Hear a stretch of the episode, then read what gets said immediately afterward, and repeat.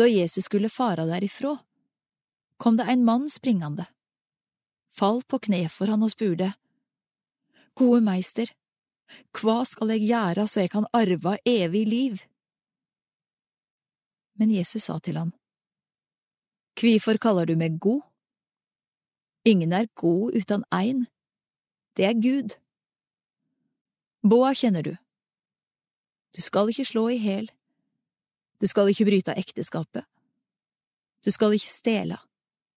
Du skal ikke vitne falskt. Du skal ikke lure til deg noe. Æra far din og mor di.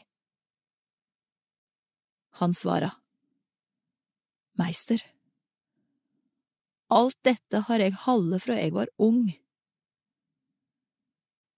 Da så Jesus på han og fikk han kjær, og han sa, Ein ting mangler du.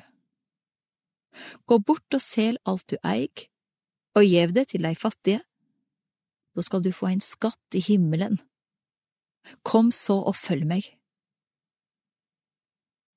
Da han høyde dette, for det ein skugge over andletet hans, og han gikk sorgtung bort, for han eigde mykje. Da så Jesus omkring seg og sa til læresveinene sine, Hvor vanskelig det blir for dei som eier mykje å komme inn i Guds rike.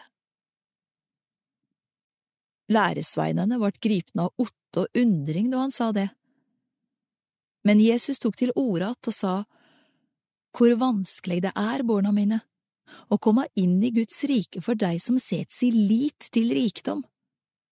Det er lettere for en kamel å gå gjennom eit nålauge enn for ein rik å komme inn i Guds rike. Da vart dei reint forstøkte og sa til hverandre, Hvem kan da bli frelst? Jesus så på dei og sa, For mennesket er det umogleg, men ikke for Gud.